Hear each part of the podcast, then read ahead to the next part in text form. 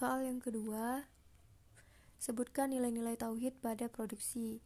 Yang pertama, melakukan kegiatan produksi adalah perintah Allah, seperti dalam Al-Quran, surah ke-28 ayat 77. Karena itu, aktivitas produksi dipandang sebagai ibadah.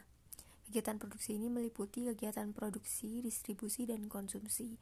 Yang kedua, berproduksi bagi seorang muslim merupakan aktualisasi keberadaan dirinya sebagai khalifah, Allah di muka bumi yang bertugas memakmurkan bumi dengan ilmu dan amalnya. Yang ketiga, bekerja untuk menghasilkan sesuatu barang atau jasa dalam rangka menafkahi keluarga adalah jihad visabilillah. Yang keempat, kemampuan manusia berproduksi sehingga mampu menikmati hasil-hasil produksi dan mendapatkan harta karena berproduksi merupakan nikmat yang harus disyukuri kepada Allah. Karena Islam mengutuk manusia kufur nikmat, seperti dalam Quran surah ke-7 ayat 14 dan surah Al-Adiyat ayat 6. Yang kelima, melihat pentingnya peranan produksi dalam mewujudkan kemakmuran, maka Al-Quran dan As-Sunnah memerintahkan manusia untuk bekerja keras dalam mencari penghidupannya, guna memenuhi kebutuhan hidupnya.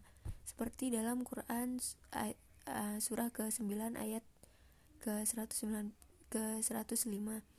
Yang keenam, Kegiatan produksi tidak boleh menghasilkan barang-barang haram seperti homer, rokok, daging babi, gelatin babi, plasenta, serta jasa-jasa terlarang seperti perjudian, riba, prostitusi, dan sebagainya.